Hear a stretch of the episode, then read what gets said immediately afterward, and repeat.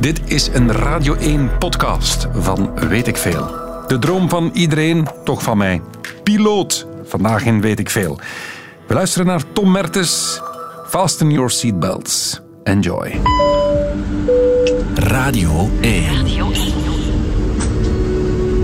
Weet ik veel met Kopen Ilse. Goedemiddag, eh, dames en heren. Dit is uw presentator speaking. Welkom aan boord van de Weet ik Veel vlucht. We vertrekken rond 12 uur 07 en we zullen aankomen iets voor 1 uur. Ondertussen zullen we veel geleerd hebben over vliegen.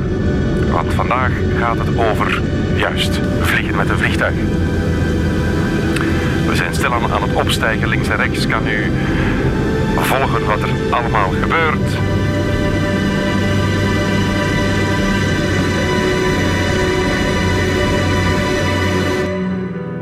Ik zit hier natuurlijk ook niet alleen, dames en heren. Ik heb een co-piloot vandaag. Nu ja, co-piloot. Hij is de echte piloot en ik mag de vragen stellen. Tom Mertens, goedemiddag. Hallo, goedemiddag. Was dat enigszins realistisch, deze opstijgzijn? Het was mooi, het was mooi. Ik was onder de indruk. ja, ja, ja. Tom, hoeveel vlieguren heb jij? Uh, 9000 ongeveer. 9000. Is dat veel? Dat, klinkt heel veel. eigenlijk niet zoveel. Uh, typisch ben, uh, als, een, als, een, als een piloot heel zijn leven vliegt, komt hij aan 20.000. Oh. Ja, toch wel. Maar ik heb uh, de laatste jaren in de business aviation gevlogen en daar is het weinig vlieguren en veel tijd. Dus Ja. dat telt een beetje trager op.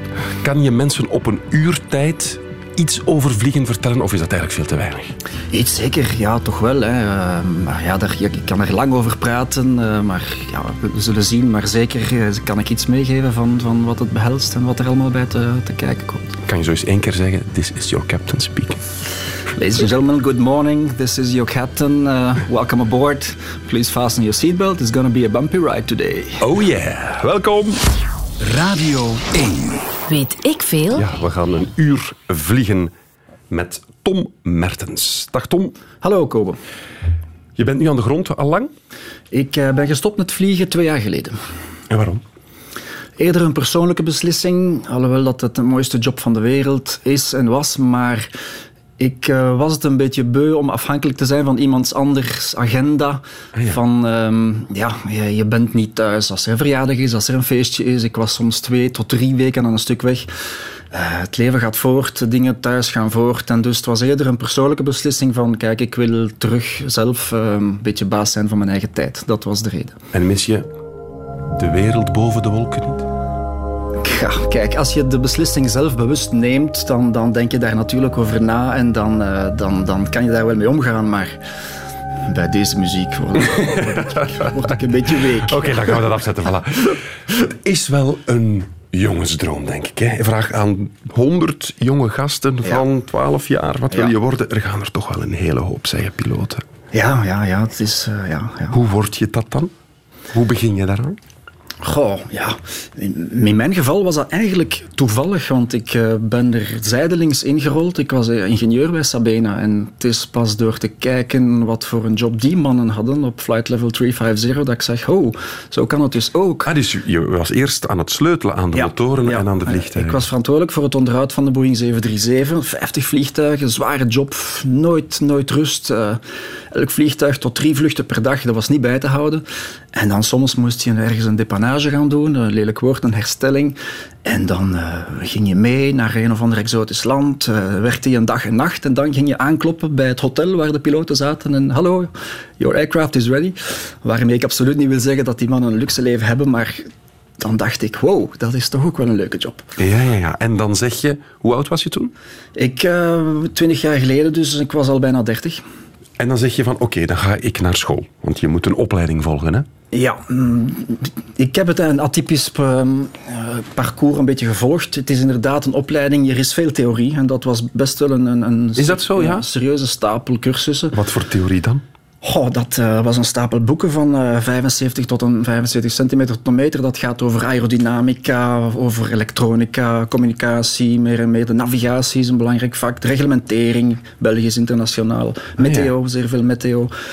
Um, dan de techniek van motoren, gasturbines, de straalmotoren. Dat moet je ook kennen, ook al ga je er ja. niet zelf aan sleutelen. je moet wel weten hoe die motor in elkaar zit. Absoluut, absoluut, ja. Uh, dat was best wel een, een, een hele brok studie. Ja. En dan praktijkervaring neem ik aan. Ga je dan onmiddellijk vliegen met een grote Boeing? Nee. Dat, nee, absoluut niet. Dat is dan de tweede fase, de praktijk. En dat uh, gebeurt met zeer kleine toestelletjes. De, de, mensen denken soms dat als je later met een Boeing vliegt, dat je leert vliegen met een Airbus of Boeing. Dat is helemaal niet. Dat is een toestelletje met twee plaatsen, of, of soms vier uh, plaatsen in.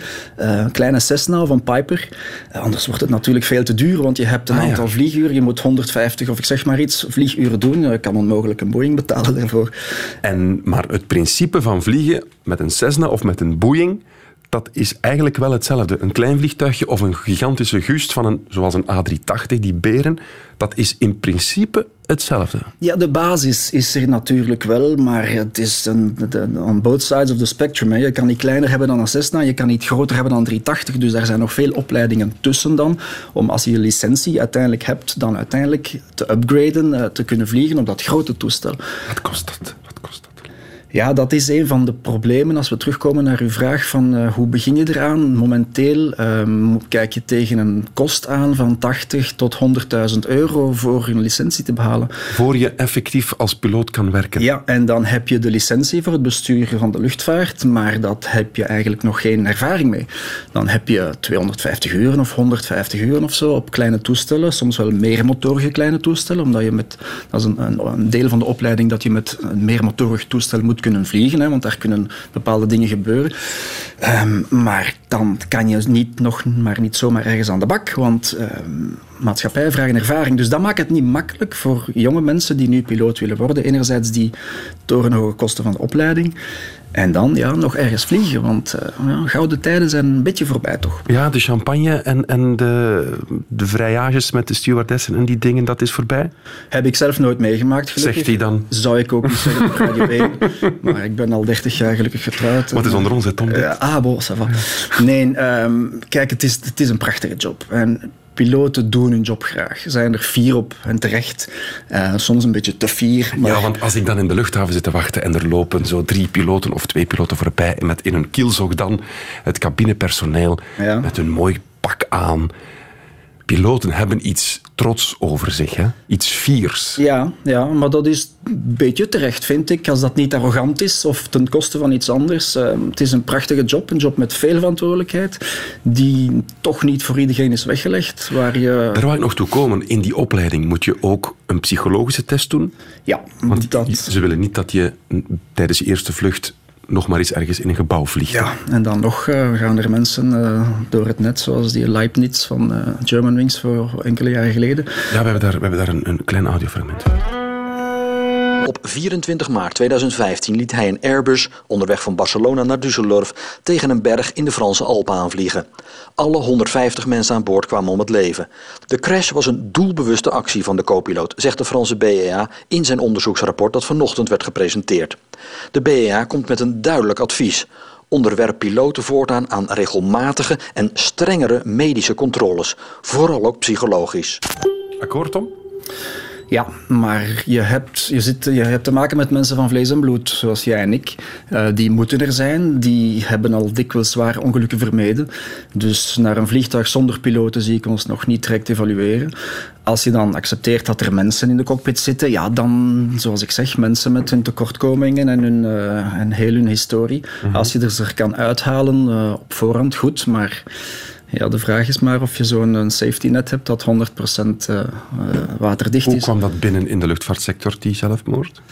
Ja, dat is natuurlijk verschrikkelijk. Hè? Want uh, een piloot kan daar zeer moeilijk mee omgaan. Want alles waar je voor staat, alles wat je hebt gedaan, al je training, al die moeilijke checks, al die studie is er eigenlijk op gericht om te zorgen dat alles veilig verloopt. Ja, veiligheid is, dat is toch op doel. de ja. ultieme één, hè? En, en, absoluut, absoluut. En dan zoiets, ja, dat is, dat is gewoon een massamoordenaar. Hè? Maar, uh... ben, je, ben je ervan bewust als je achter die... Het is niet echt een knuppel, het is meer een stuur, denk ik, in een cockpit ben je je bewust van die verantwoordelijkheid op elk moment? Oh, dat is een zware vraag, maar uh, je, je beseft dat wel als je moeilijke dingen aan het doen bent. En als je een nachtvlucht doet uh, en, en, iedereen slaapt en jij zit daar vooraan, dan weet je wel waar je mee bezig bent, toch?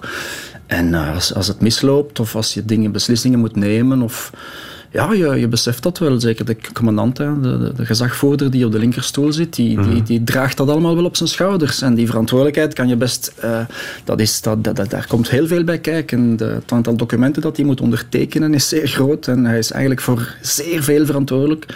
Hij is uh, de baas aan boord, hij heeft politiebevoegdheid aan boord. Wat blieft hem? Hij heeft politiebevoegdheid. Ja, Hij mag identiteitscontroles uitvoeren, hij mag mensen in de boeien slaan? Ja, dat is vastgelegd in, in de conventie van ICAO. Um, in bepaalde dingen die in Tokio zijn afgesproken en zo. Inderdaad, je kan uh, mensen restrainen, dus in de boeien slaan. Je kan andere passagiers vragen om je te helpen. Uh, ja, en ja, af en toe is dat nodig bij zogenaamde unruly packs, dus onrustige of... Uh, Ooit moeten doen? Nee, niet in de boeien slagen, maar uh, je maakt soms wel dingen mee waar... Zoals? Ehm, waar ik vloog hadden we een, eh, een, een, maatschappij met privévliegtuigen. Ik vloog met de Airbus, maar dat was eigenlijk een business jet, die Airbus, met 40 uh, first class seats. Um, waar, daar waar een normale maatschappij er 160 heeft, was dat vliegtuig met 40. Dus je kan wel voorstellen dat het luxueus was. Ja. En ik heb zo ooit een, de voetbalploeg van Oezbekistan naar Barcelona gev uh, gevlogen. Want die hadden een gigantisch bedrag betaald aan Barcelona om een week te mogen bezoeken, trainen en een match spelen met Barça. Ah, ja. En dus vanuit Tashkent naar Barcelona, die vlucht, dat was uh, redelijk unruly, zal ik zeggen. Die spelers waren ja. het, het bond, te bond aan het maken. We hadden zeer veel uh, geestrijke dranken. en je blijft heel voorzichtig. Boven uh, de Caucasus was die grotendeels geconsumeerd.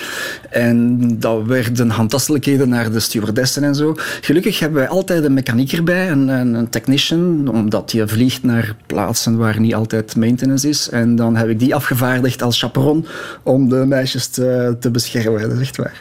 Je ja. hebt niet beslist om een noodlanding te maken of te zeggen we stoppen, ik, ik land ergens en eruit. Het is, um, dat is altijd het prerogatief van de captain dat hij dat kan doen, maar als de mensen zeer veel betalen om voor een vlucht te doen, dan moet je toch wel enige voorzichtigheid aan de dag leggen. En als de veiligheid van de vlucht niet in het gedrang komt, um, dat is dan een oordeel van de captain. Nog, nog één vraagje. Mijn uh, toenmalige schoonvader, 15 jaar geleden, werkte um, bij Air Traffic Control hier in Brussel. Mm -hmm. Moest drie kwartier werken en had dan een uur verplichte rust. Maar was privé persoonlijk aansprakelijk als hij een fout maakte, ja. waardoor een, een vliegtuig zou crashen. Hij was daarvoor persoonlijk aansprakelijk. Is dat bij piloten ook zo? Ja, nog zeker en vast, absoluut. Er zijn, uh, er zijn ongelukken bekend uh, van, van vliegtuigen die gecrashed zijn, waar de piloten het overleefd hebben, die dan in een rolstoel bovendien uh, heel hun leven worden achtervolgd door rechtszaken. Ja. Um, Kegworth is, is, is het voorbeeld British Midland, waar de crew de verkeerde motor heeft afgezet. Uh, ja, legendarisch uh, ongeluk. Uh, it's, the it's the right one hoor je op de cockpit voice recorder. Het is de linkermotor die in brand stond en je hoort ze zeggen it's the it's the right one. Oké, okay, throttle it back. En dus ze zetten de rechter af terwijl de passagiers zien dat de linker brandt. En te laat hun fout ingezien, gecrashed op de berm van de M, M5 of M1 motorway. Niet iedereen gelukkig overleden.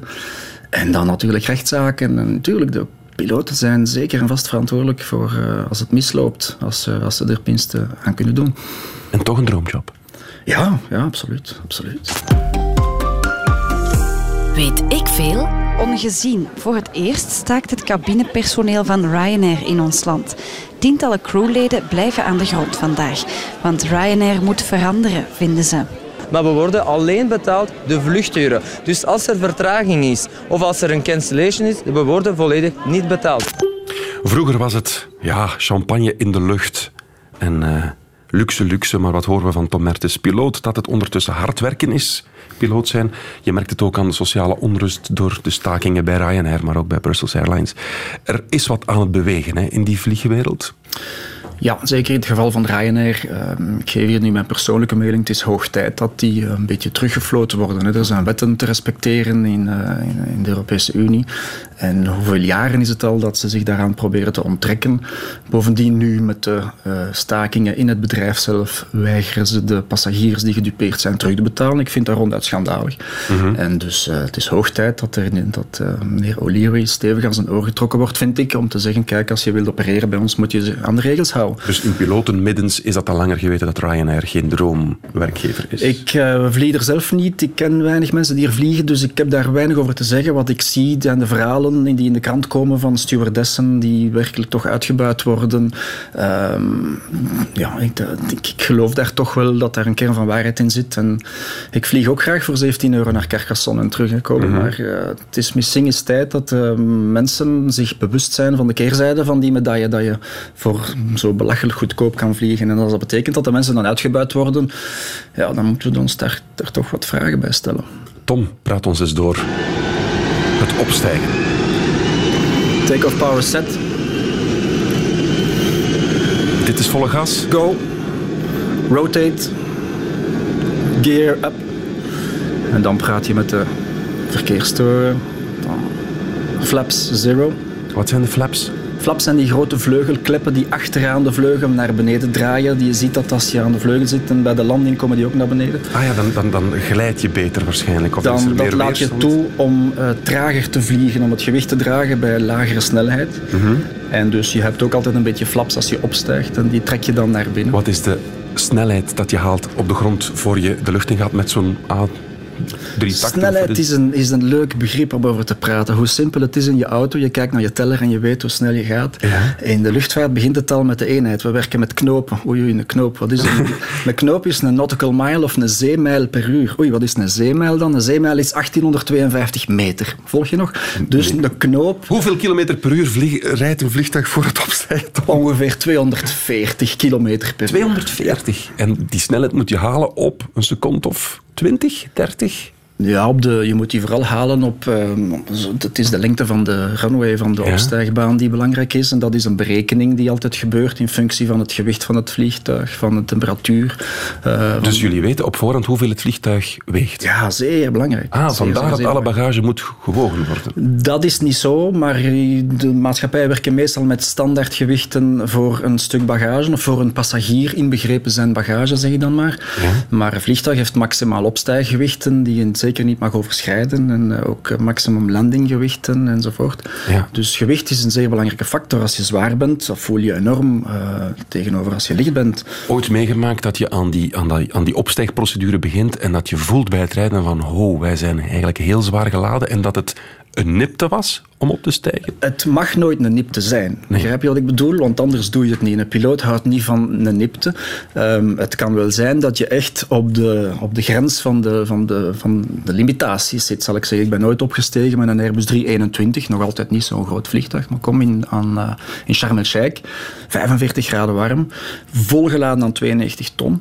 En dan eh, eh, ga je in de lucht en dan denk je... Oké, als ik nu een motor verlies, dan zou het nog moeten kunnen. Maar dan moet je wel zeer precies vliegen om het vliegtuig nog eh, in, op een stijgende lijn te krijgen. Een motor verliezen zou kunnen. Ja, altijd. Hè. Dat is eh, absoluut. Dus elk meermotorig toestel, en ze zijn allemaal meermotorig, is erop voorzien en alles is berekend zodanig dat je veilig kan opstijgen met één motor minder.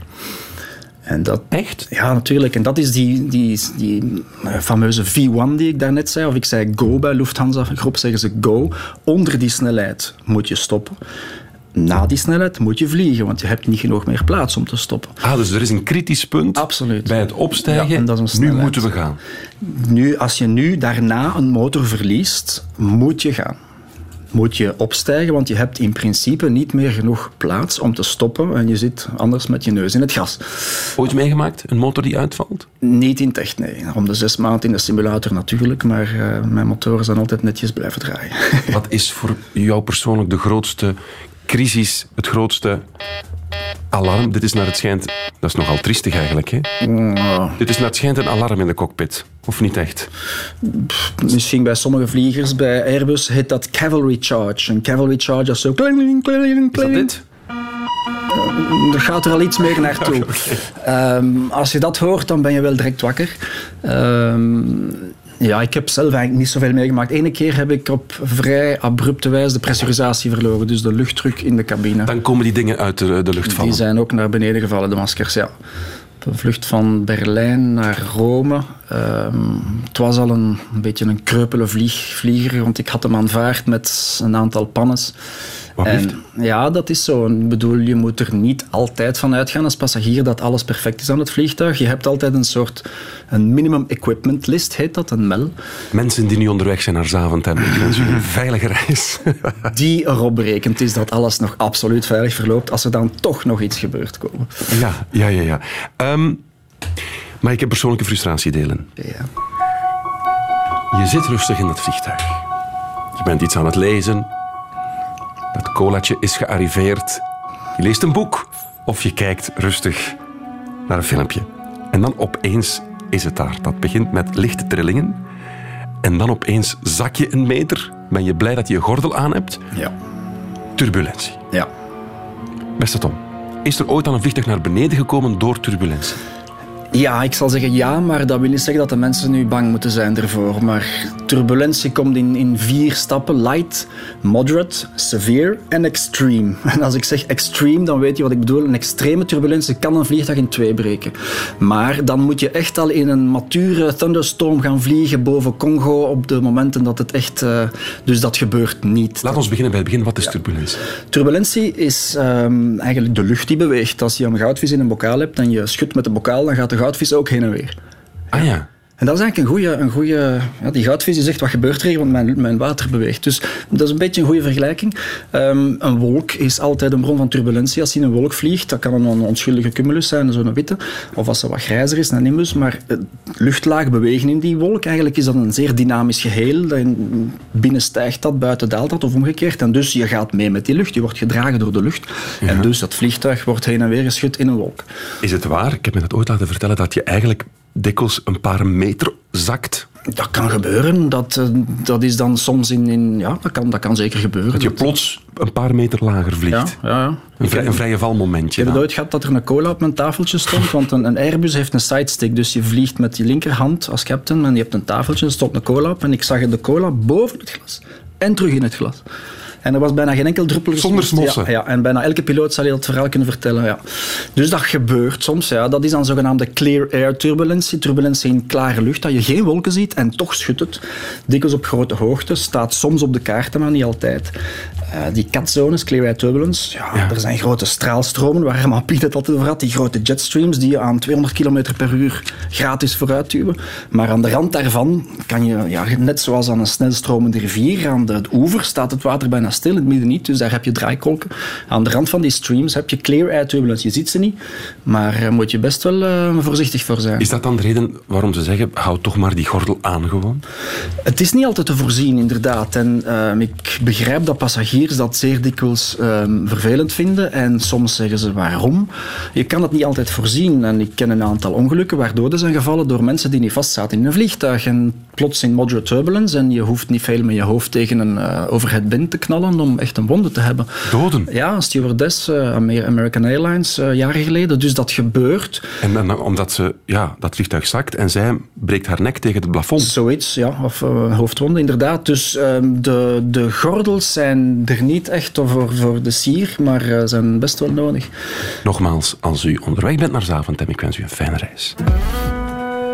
20 april vorig jaar, ja, ja. inderdaad. Door het oog van de naald gekropen. Ja, zeker. Ja, ja. Hoe is het nu met je? Ja, ça va. Uh, begin, uh, ja, ik, heb, ik heb natuurlijk een fantastische dokter gekregen. Een fantastische dokter gehad. Ja. Die heeft eigenlijk ja, mijn ogen terug op de juiste plaats kunnen zetten en mijn gezicht vervangen in, in titanium eigenlijk. Ja, je bent, zo ben je dan wel, nog naar je wrak gaan kijken. Hè? Ja, ja, ja. ja gaan inderdaad. zien of je daar nog wat kon recupereren. Dat is akelig. Er moet nog, nog, nog bloed aangekleefd hebben. Ja, ja het hangt er nog aan. Die staat nu op mijn nachtkastje. Ja? Op mijn nachtkastje. Ja, ik heb hem gemonteerd. We hoorden piloot Anthony Kare. Die is uh, gecrashed in Congo. Moest een gezichtsreconstructie ondergaan, maar vliegt ondertussen alweer. Mm -hmm. ja, crashen, dat is toch het laatste, denk ik, wat je wil. Hè? Noodlanding, zo'n dingen. Ja, zoals ik zei, heel de opleiding en al wat je doet is erop, uh, is erop voorzien om dat te vermijden. Uh, ik herinner mij op dit moment een, een prachtige uitspraak van Jean de Klerk, een legendarische instructeur op Sabena, die zei: De piloot, il crée des non-événements. Hij creëert non-events. En dat is eigenlijk een fantastische eh, beschrijving van onze job. Op elk moment actief ervoor zorgen dat er niks gebeurt. Een createur de non-événement, toch mooi? Hè? Ja, ja, absoluut. Uh, maar het is hard werken om non-events te... Het is hard werken ja. en um, je werkt daar actief aan. Je hebt checklists en alles gaat volgens het boekje. Dat wil niet zeggen dat het vanzelf gaat. Uh, dat is een geolied team met de co-piloot, met wie je misschien nog nooit gevlogen hebt. Maar je valt in dat stramien van de checklist van een boek. En dus op elk moment zorgen dat, er, dat alles verloopt zoals het hoort. En je weet dat op elk moment je foute dingen, als je een fout maakt, dat het ernstige gevolgen kan hebben. Ooit een noodlanding moeten uitvoeren? Wel ja, die, toen ik die pressurisatie verloren ben uh, boven München, ben ik in, uh, in München gaan een noodlanding uitvoeren. Ja. En is dat dan met de, de brandweer aan, aan weerszijden van de landingsbaan? Ja. De, gaat dat zo? Ja. Ja, ja, ja, dat is vrij spectaculair. Als je dan de magische woorden Mayday, Mayday, Mayday uitspreekt, dan wordt onmiddellijk het luchtruim onder jou leeggemaakt. Dus dat zeg je niet om te lachen? Nee, nee, nee, nee, nee, nee. nee, nee, nee, nee. Als je dat zegt, dan is het echt ja, menens. En, en, dan weten ze ook, oké. Okay. En dat is een, een, een, een, bijna een blanco check, mede, mede. Dat wil zeggen, je mag eigenlijk doen wat je wil. Uh, naar eigen goeddunken mag de gezagvoerder dan beslissen wat de beste actie is om, uh, voor de veiligheid van zijn passagiers en van zijn bemanning. En iedereen moet volgen. Dus als je zegt, uh, ik ga naar die luchthaven, ik wil ze voor mij alleen hebben, dan sluiten ze de luchthaven voor ander verkeer. Echt waar? Ehm, je mag bepaalde wetten overtreden. Je zal dat allemaal weer moeten uitleggen achteraf. Ik komen daar nogmaals de verantwoordelijkheid als je dan buiten je boekje gaat. De zwarte doos registreert. Ja, ja dus inderdaad. Maar uh, die, dat, dat geeft je zeer veel um, bewegingsvrijheid, die noodtoestand uitroepen. En die noodlanding die jij hebt uitgevoerd, vlekkeloos of toch bumpy? Nee, dat was een, eigenlijk bijna een normale landing, want ik heb dan uh, vlak voor het eigenlijke landen heb ik die noodtoestand gecanceld. En dan weten ze ook, oké, okay, bon, we moeten okay. niet, uh, je blijft niet staan op de piste, maar je kan gewoon naar de terminal taxiën en de, op dat moment was het gevaar geweken, die brandweerauto's staan er dan wel, maar dus ik had geen probleem om te landen, ik was de pressurisatie kwijtgeraakt, maar eens je onder de 10.000 voet, 3, 4.000, 3.000 meter bent, kon iedereen weer gewoon ademen. En verder was het vliegtuig in orde. Ik herinner mij nog levendig, iedereen kent de beelden, die piloot Scully, denk ja, ik, ja. die in de Hudson-rivier in New York is geland. Mensen zijn, iedereen, uh, iedereen heeft het overleefd, maar wat is eigenlijk de kans, want iedereen bereidt je dan voor met die safety briefings en toestanden, maar wat is de kans als je echt naar beneden komt dat je daar levend uitstapt, toch minimaal, denk ik. Kijk, er, er zijn nogal zo van die um, incidenten en accidenten gebeurd waar de bemanning echt het verschil heeft gemaakt. En uh, US Airways 1537 of 39 is het voorbeeld en het argument om te zeggen een vliegtuig zonder piloten. Nee, dankjewel. Want uh, computers of mensen op de grond hadden nooit die Airbus feilloos op de Hudson kunnen landen. Nee. Um, dat ding zweeft. Hè. Elke Airbus-piloot ter wereld heeft dat natuurlijk nagevlogen. We hebben dat ook gedaan natuurlijk in de simulator. En ja, het is een krachttoer. Hij heeft alles op het juiste moment juist gedaan.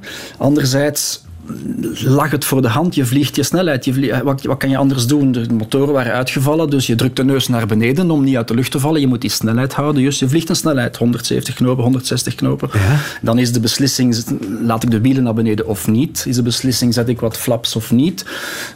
Hij dat moet je beslissen met ja. die verantwoordelijkheid van die honderden passagiers ja. en je hebt geen tijd. Ja, veel, bij veel incidenten heb je die tijd wel en moet je die tijd nemen. Daar is een heel, een heel procedure voor dat je in de crew uh, beslist van kijk, wat gaan we doen, hoe pakken we het aan. Uh, punt 1 is altijd first fly the aircraft. Altijd vliegen, eerst vliegen. Er rode lichtjes, klanken, toeters en bellen. First fly the aircraft. Iemand vliegt. Naar waar naartoe? Niet tegen een berg. Speed en attitude zijn onder controle. Oké, okay, hebben we tijd? Dan kunnen we ons met die, uh, met die situatie bezighouden. First fly the aircraft. Veel ongelukken zijn precies daaraan te, weten, te wijten dat de mensen soms te snel in de checklist duiken en het primaire vliegen vergeten. Ja, dus die, die, die Scully heet die? Ja, die, die, die, Skullenberger. Skullenberger, die heeft op die paar minuten alleen maar juiste beslissing genomen. Want één andere beslissing had misschien een heel ander effect en, en veel doden kunnen... Ja, dat heeft maar anderhalf of twee minuten geduurd. Op het moment dat ja, de Canadian Goose, hoeveel hebben de motoren erin geslikt? Ik weet het niet, maar veel te veel, absoluut niet berekend. Dus op het moment dat je de motoren verliest, je ziet je snelheid wegvallen, onmiddellijk gaat die neus naar beneden. Die moet naar beneden, dus je drukt, je blijft vliegen. Dat is zodanig het instinct van, oké, ik ga dat vliegtuig vliegend. En ondertussen was de co-piloot bezig met engine master switches, proberen er ontsteking te geven, dat hij misschien nog van de twee molens aan de praat krijgt.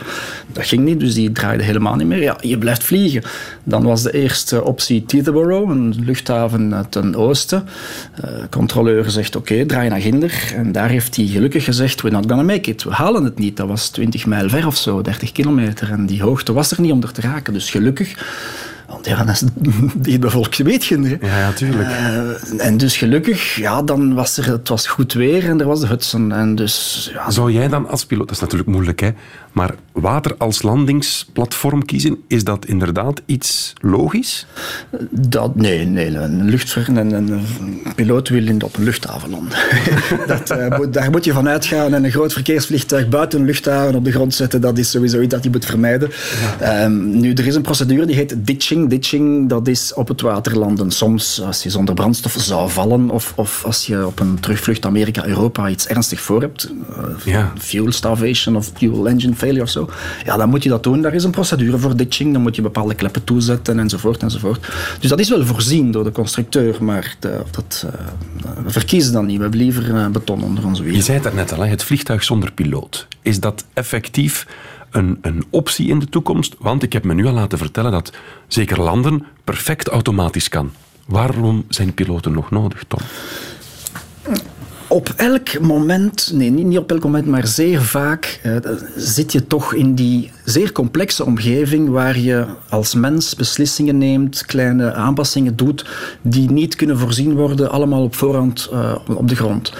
Um, het voorbeeld van Sullenberger is een goed. Er zijn nog voorbeelden waar echt de mensen het verschil hebben gemaakt. Ja. En, uh, of, of... Maar je zegt ook, er zijn ook al heel wat menselijke fouten gebeurd, waardoor er wel accidenten zijn gebeurd. Dus ja, ja. het ene heeft het andere nee, misschien op. De balans is zeer duidelijk in het voordeel van de mens die daar zit en de piloot met zijn ervaring, met zijn training.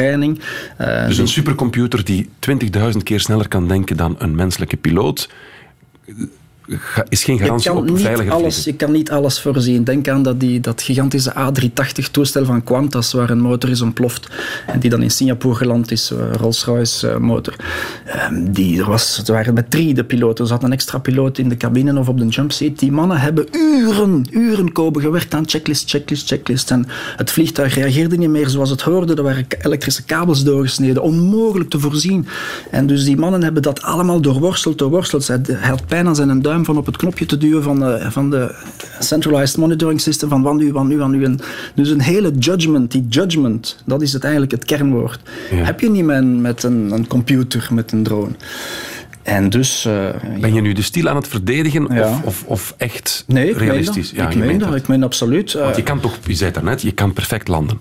Automatisch. eh, dat gebeurt heel soms, wordt om de zes maanden verplicht getraind. Typisch één dag per jaar in Brussel is het uh, erwtensoep hier in Brussel en dan zie je niks. Mist, ja. mist, dichte mist.